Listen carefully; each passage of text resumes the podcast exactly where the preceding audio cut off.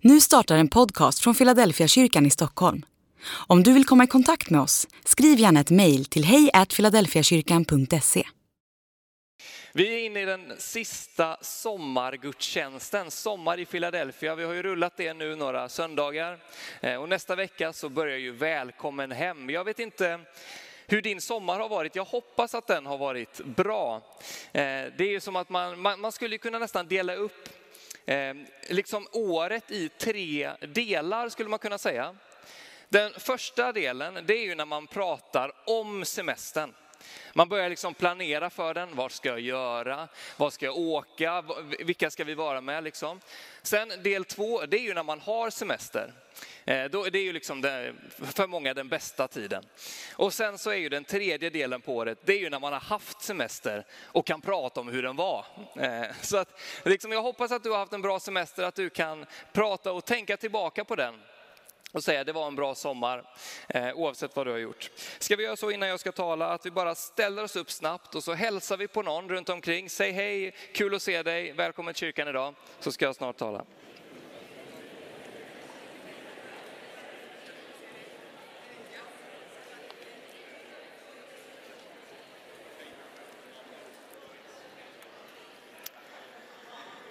När ni har hälsat på någon så kan ni slå er ner igen. Som Linda sa innan så heter jag Anton Almark och har äran att vara en av pastorerna här i kyrkan. Jag jobbar främst med unga vuxna, vår gudstjänst här klockan 18. Ikväll kör vi 19 sista gången, sen kommer vi nästa söndag börja klockan 18 igen. Men jag hoppas som sagt att du har haft en jättebra sommar, att du har fått eh, sola, bada, kanske resa någonstans, jag vet inte vad du har gjort. Sommaren är ju en sån här tid där man liksom, ja men rutiner lite bryts, man kan göra lite vad man vill, det spelar ingen roll, du kan gå upp klockan 11, du kan vänta vänta med frukosten till klockan ett och sen så kan du liksom käka lunch vid klockan fyra och så får vi se om det blir grill sen klockan nio. Ni vet, så här, det är liksom, ingenting stämmer egentligen, men det är en väldigt härlig tid ju. Och nu, jag, jag är liksom en sån som älskar sommaren, som bara ser fram emot det, kunna ta det lugnt, inte behöva tänka på så mycket. Men jag tycker också att det är ganska härligt när man kommer in och det blir höst igen. När man kommer in i rutiner, du vet man kan planera, dagen ser ut så här, det här ska jag gå upp, så här ska jag göra, jag äter alltid samma frukost. Jag kan tycka att det finns något härligt i, i rutinerna också. Så jag tänker innan vi helt avslutar Sommar i Philadelphia, så tänker jag att den här sista predikan kommer att handla lite om att se fram emot hösten.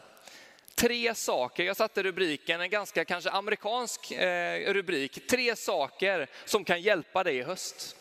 Eller tre saker som du behöver i höst. Man skulle kunna vara ännu mer fräck och säga så.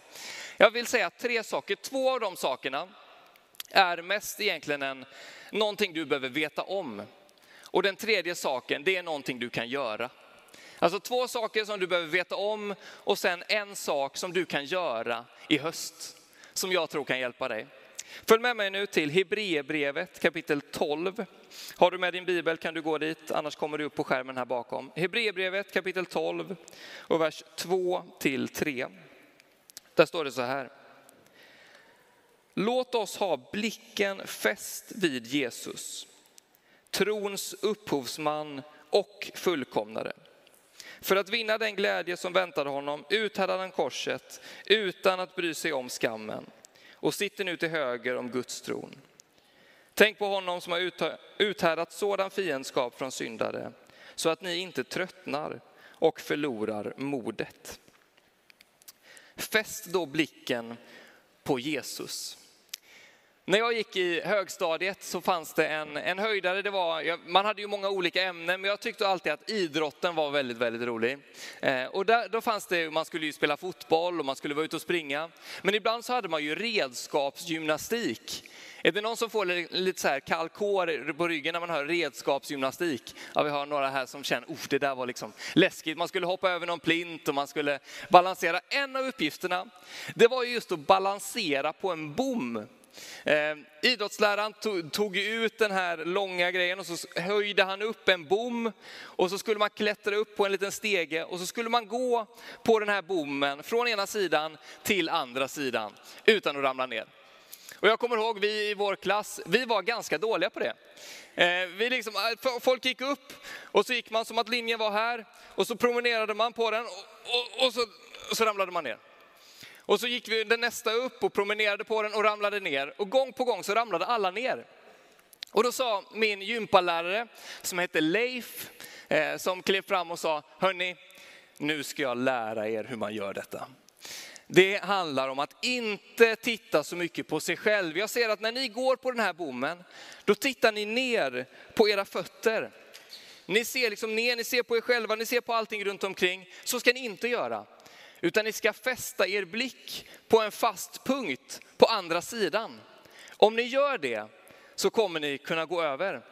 Om du vill så kan du testa detta hemma eh, sen. Men, men då liksom så går man ju upp här och så fäster jag blicken på en punkt som jag vet är fast. Som inte vajar av åt något håll, som kommer vara där hela tiden. Jag fäster blicken på den och då kan jag promenera över. Och då, när vi gjorde det, då klarade alla det. Det var liksom som ett otroligt tips som bara löste upp all balans i hela klass 9F på Önneredsskolan i Göteborg. Alla kunde balansera på bommen. Du vet, om vi fäster vår blick på oss själva, om vi fäster vår blick på allting runt omkring, allting som rör sig, då finns det risk att vi ramlar. Men så säger Hebreerbrevet, fäst blicken på Jesus. Fäst blicken på Jesus som är en fast punkt. Han som är klippan. Tänk inte på, så mycket på ditt eget, tänk inte så mycket på allting som händer runt omkring. Fäst blicken på Jesus. Han är trons upphovsman och fullkomnare. Jag har tänkt att säga någonting nu då, två stycken saker du behöver veta. Vad betyder det att Jesus dels är upphovsman och att han är fullkomnare? Det är liksom mina två punkter och sen det sista, vad du ska göra.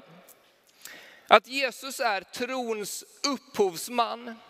En upphovsman, om man googlar på det, då får man att en upphovsman det är en person som kanske har skrivit en låt. Till exempel, om man tittar på Melodifestivalen, om man gillar det, så är det ju alltid någon låtskrivare som står bakom låten.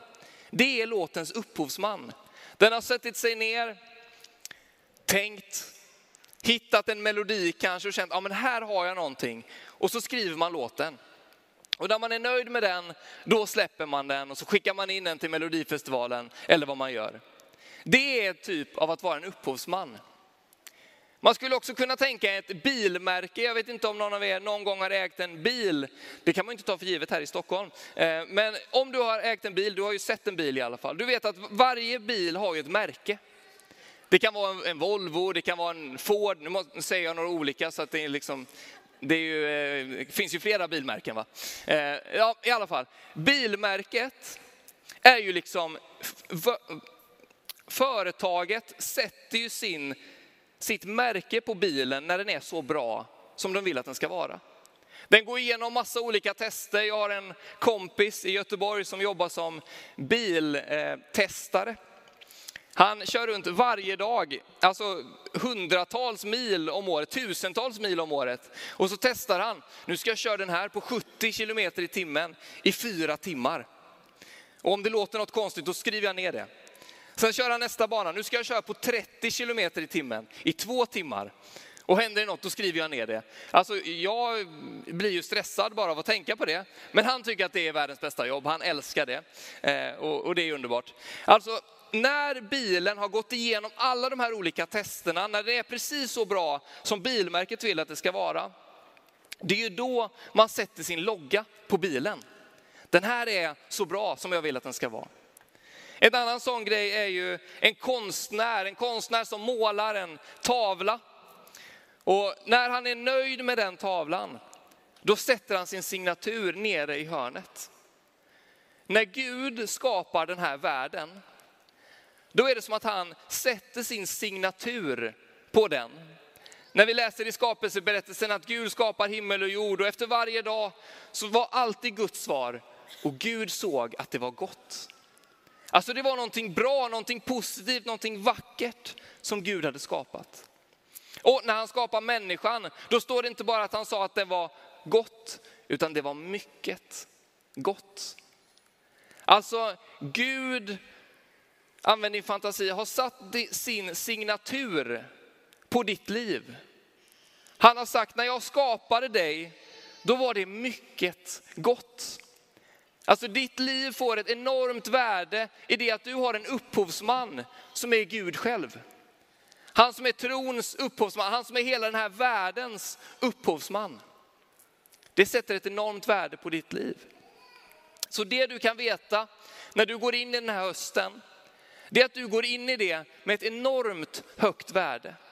För du har en upphovsman som är Gud själv. När du fäster blicken på honom, då tänker du, ja men han är faktiskt den som har skapat mig. Och han har inte bara skapat mig, utan han är nöjd med hur det blev. Det var mycket gott.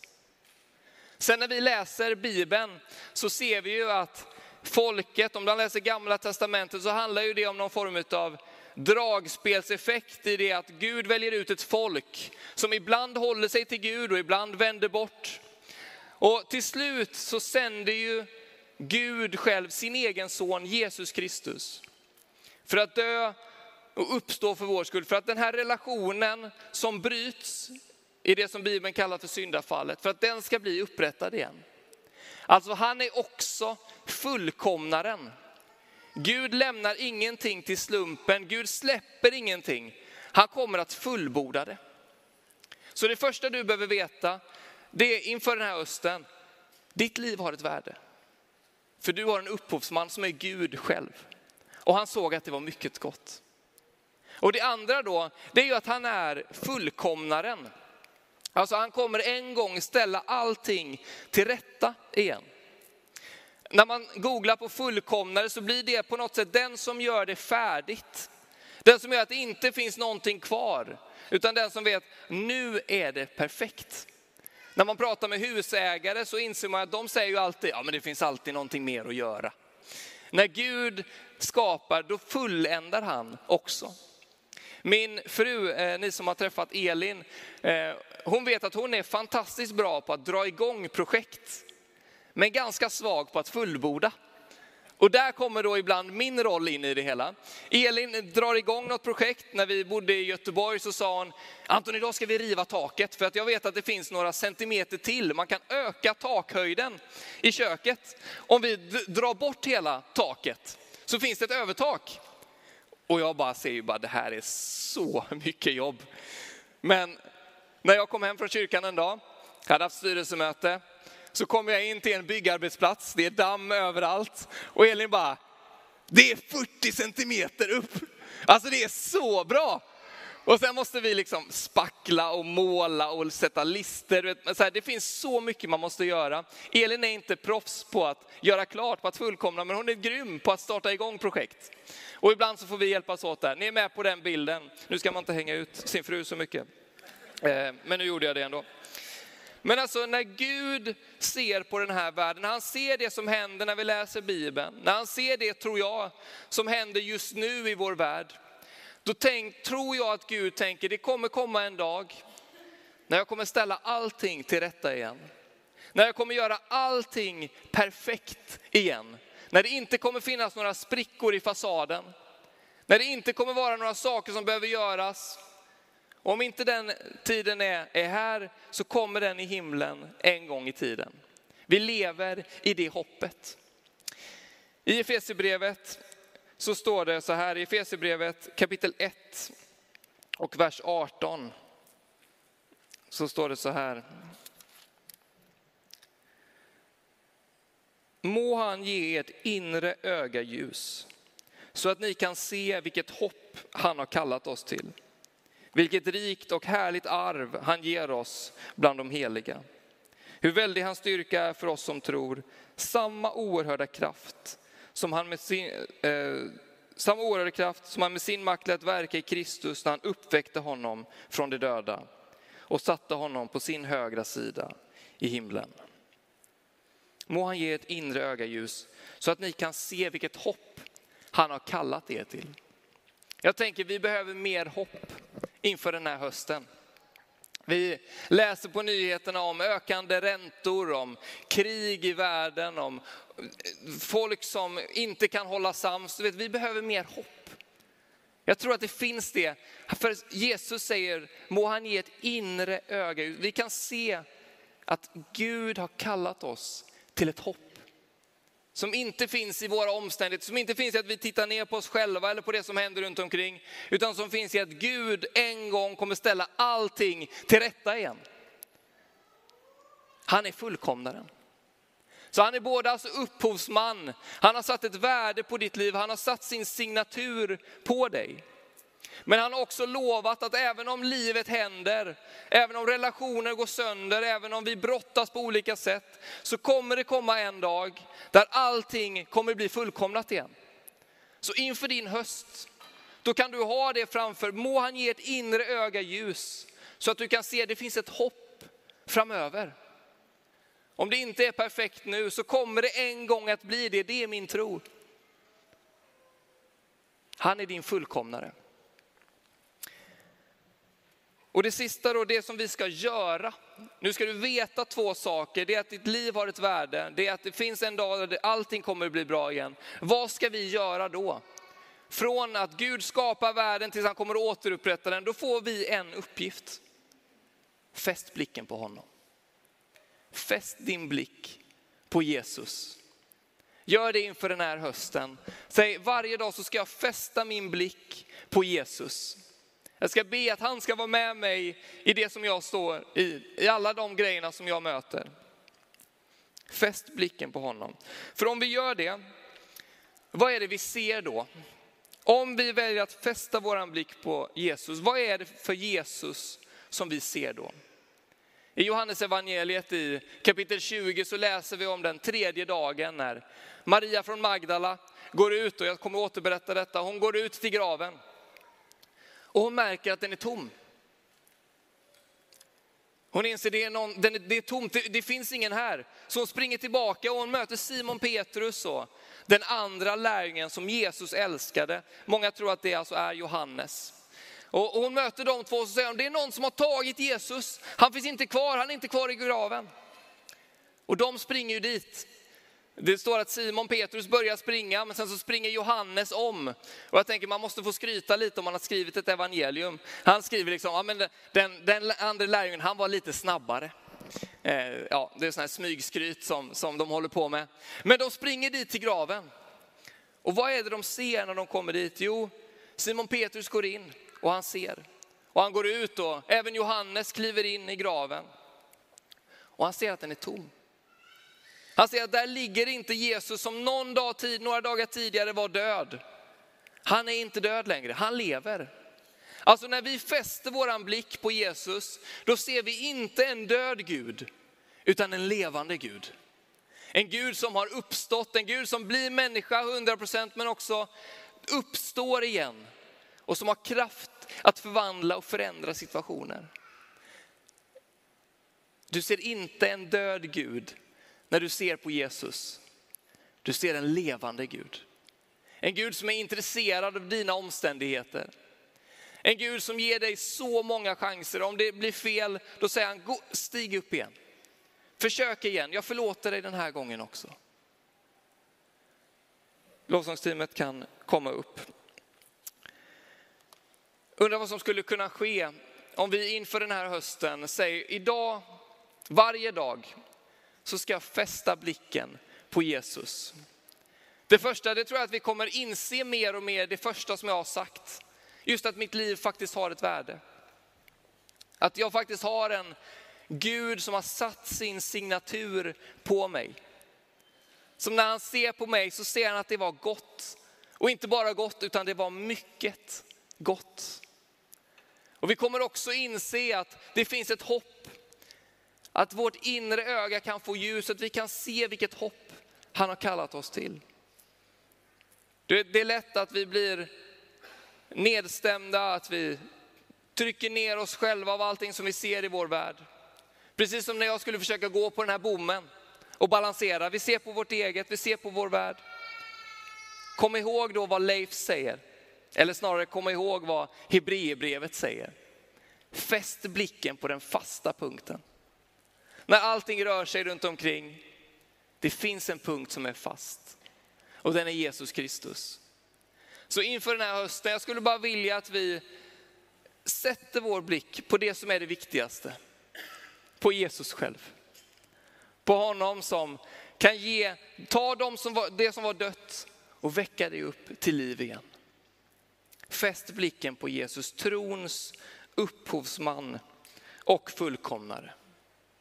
Och inte bara den här tron utan även den här världen. Han är den här världens upphovsman. Han är den här världens fullkomnare. Han kommer ställa allting till rätta igen. Ska vi be tillsammans. Jesus, tack att du är här just nu. Tack att du vill möta oss. Tack att du lovar i ditt ord att när vi närmar oss dig, då kommer du närma dig oss. Herre. Så Herre, nu ber vi bara att det här ska få landa i mitt liv. I alla som sitter här som känner att jag skulle behöva förstå att jag har ett enormt värde. Att det finns ett hopp som väntar. Och att jag i varje dag kan fästa min blick på dig Jesus. Tack att du leder. Tack att du ger kraft. Tack att du ger nåd och kärlek. Amen.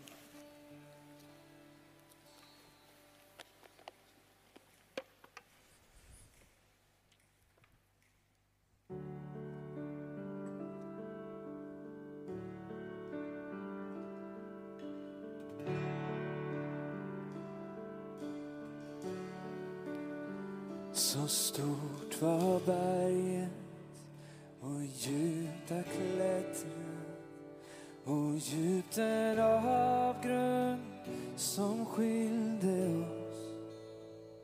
I min förtvivlan såg jag mot himlen och sa ditt namn ut i min natt. Och genom mörkret så bröt din kärlek igenom öppet av min själ. Det är fullbordat, slutet är skrivet. Jesus Krist, levande hopp.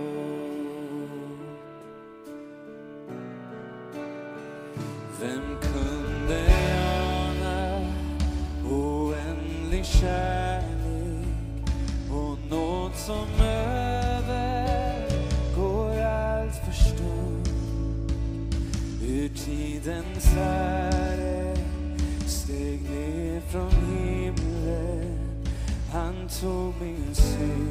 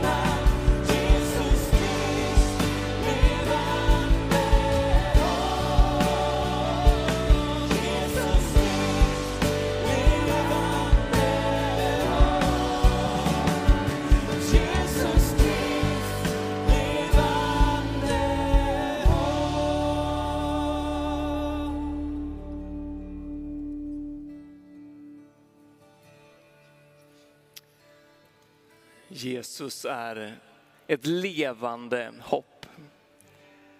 Det är inte en grav med en person i, det är en tom grav. Han har uppstått, det är påskdag varje söndag, varje måndag, varje tisdag. För vi har en levande Gud. Vi ska nu öppna vår förbönsplats och vi kommer öppna den på min högersida, er vänster, där borta. Där finns några personer som längtar efter att få lägga sina händer på dig och be för det som du går igenom. Du kan komma till dem och säga be för vad som helst. Men kanske så finns du här som på ett särskilt sätt skulle behöva kraft inför hösten som ligger framför. Kanske ska du ta det här tillfället och gå bort till en förebedjare och säga be för mig. Jag har en tuff höst framför mig eller jag har en oviss höst framför mig eller vad det nu än är. De längtar efter att be för dig. Men innan det så, ska vi, så vill jag ställa en fråga. I varje gudstjänst så vill vi ha den frågan levande i att om du finns här som säger jag skulle vilja ta ett beslut idag och tro på Jesus. Jag skulle vilja att det hoppet som du har hört om eller att du är så vackert skapad. Eller det hoppet som ligger framför, att det får en liksom, plats i ditt liv. Så vi ska göra en, en inbjudan och i respekt för varandra så blundar vi, vi böjer våra huvuden och vi blundar. Och så kommer jag när, när jag ställer den här frågan så kommer du kunna få räcka din hand. Och så vill jag ta med dig i en enkel bön. Att du ska få lära känna Jesus. Så om du finns här som säger, jag skulle vilja lära känna Jesus den här söndagen.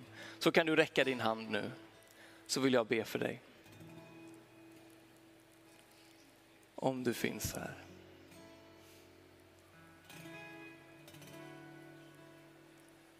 Vi ber. Gud se din hand. Gud se din hand. Om det finns någon mer, räck din hand. Gud se din hand. Gud välsigne dig. Vi ber tillsammans. Jesus Kristus. Tack att när vi kommer till dig så visar du aldrig bort oss. Tack att dina armar alltid är öppna för oss Herre. Tack att när vi fäster vår blick på dig, då fäster du din blick på oss också Herre. Och då tittar du på oss med dina kärleksfulla ögon Herre. Som är så rika på nåd och som är så fulla av förlåtelse och som är så barmhärtiga. Tack för de besluten som tagits idag Herre. För händer som är i luften som en, en signal på en längtan Herre. Vi tackar dig för det. Och vi ber nu att du ska vandra tillsammans med de här personerna. Att du ska vara med dem, att du ska visa att du är en levande Gud. Att det finns ett levande hopp. Att det finns ett enormt värde i att ha dig som upphovsman. Så vi tackar dig för besluten som har tagits. Och vi ber Herre, helig ande, att du ska verka i det här rummet just nu. Tala till oss, vägled oss, uppmuntra oss. Utmana oss inför den hösten som ligger framför. Vi öppnar förbönsplatsen och vi står upp när vi lovsjunger. Amen.